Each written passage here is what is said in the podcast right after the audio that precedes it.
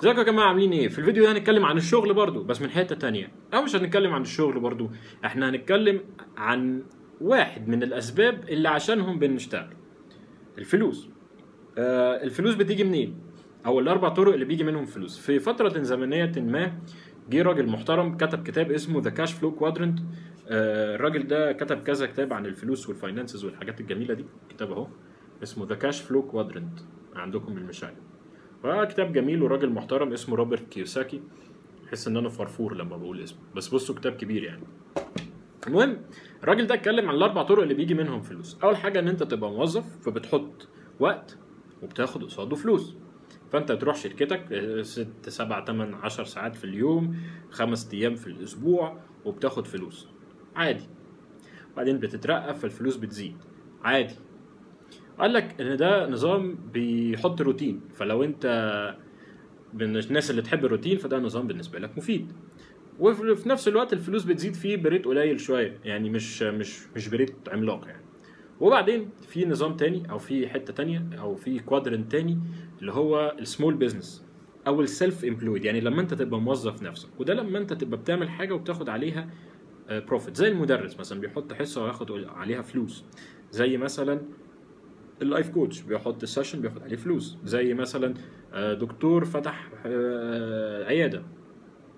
زي الرقاصه بترقص وبتاخد فلوس. فدي self-employed في بقى النظام اللي أكبر شوية.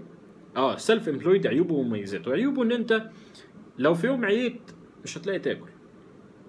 لو أنت فاتح محل وبتشتغل فيه لوحدك وعييت مش هتاكل. خلاص الموضوع خلص. مميزاته إن أنت بتاخد profit مش بتاخد فلوس مش بتاخد مرتب انت بتاخد ربح. فدي مميزاته. آه، حاجة تانية إن أنت مالك قرارك يعني اشتغل النهاردة انام النهاردة معرفش إيه بتاع فأنت برضو بتاعتك يعني. المهم تالت حاجة بقى ال big business اللي هي الشركات الكبيرة زي مثلا مايكروسوفت بقى وأبل وفودافون واتصالات والحاجات الجميلة دي كلها. فأنت لما تفتح شركة من دول عندك موظفين كفاية إن هم يجيبوا لك فلوس والشركة تشتغل حتى لو أنت مش موجود في ال business. فأنت بتروح تنام أو تلعب أو تسافر أو تهيص وبرضه لسه بيدخل لك فلوس. دي حاجة حلوة. بس صعوبتها فين؟ إن أنت تلاقي الناس اللي تشتغل معاك وإن أنت تعمل system وإن أنت تعمل معرفش إيه وبتاع. فهي قصة كبيرة قوي لو بصينا لها من منظور تاني ف big business هو self-employed عين عنده ناس يشغلوا ال business بتاعه وهو مش موجود. أو عين معاه مش عنده. تمام؟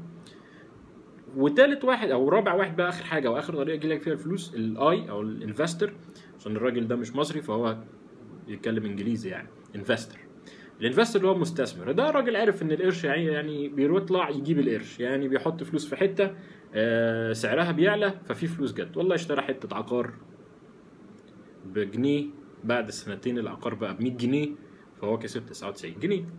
ولا اشتغل ولا عين حد ولا وجع دماغ ولا أي حاجة خالص. هو حط فلوسه في حتة بتزيد وخلاص على كده. فدول الأربع طرق اللي أنت بتجيب منهم فلوس.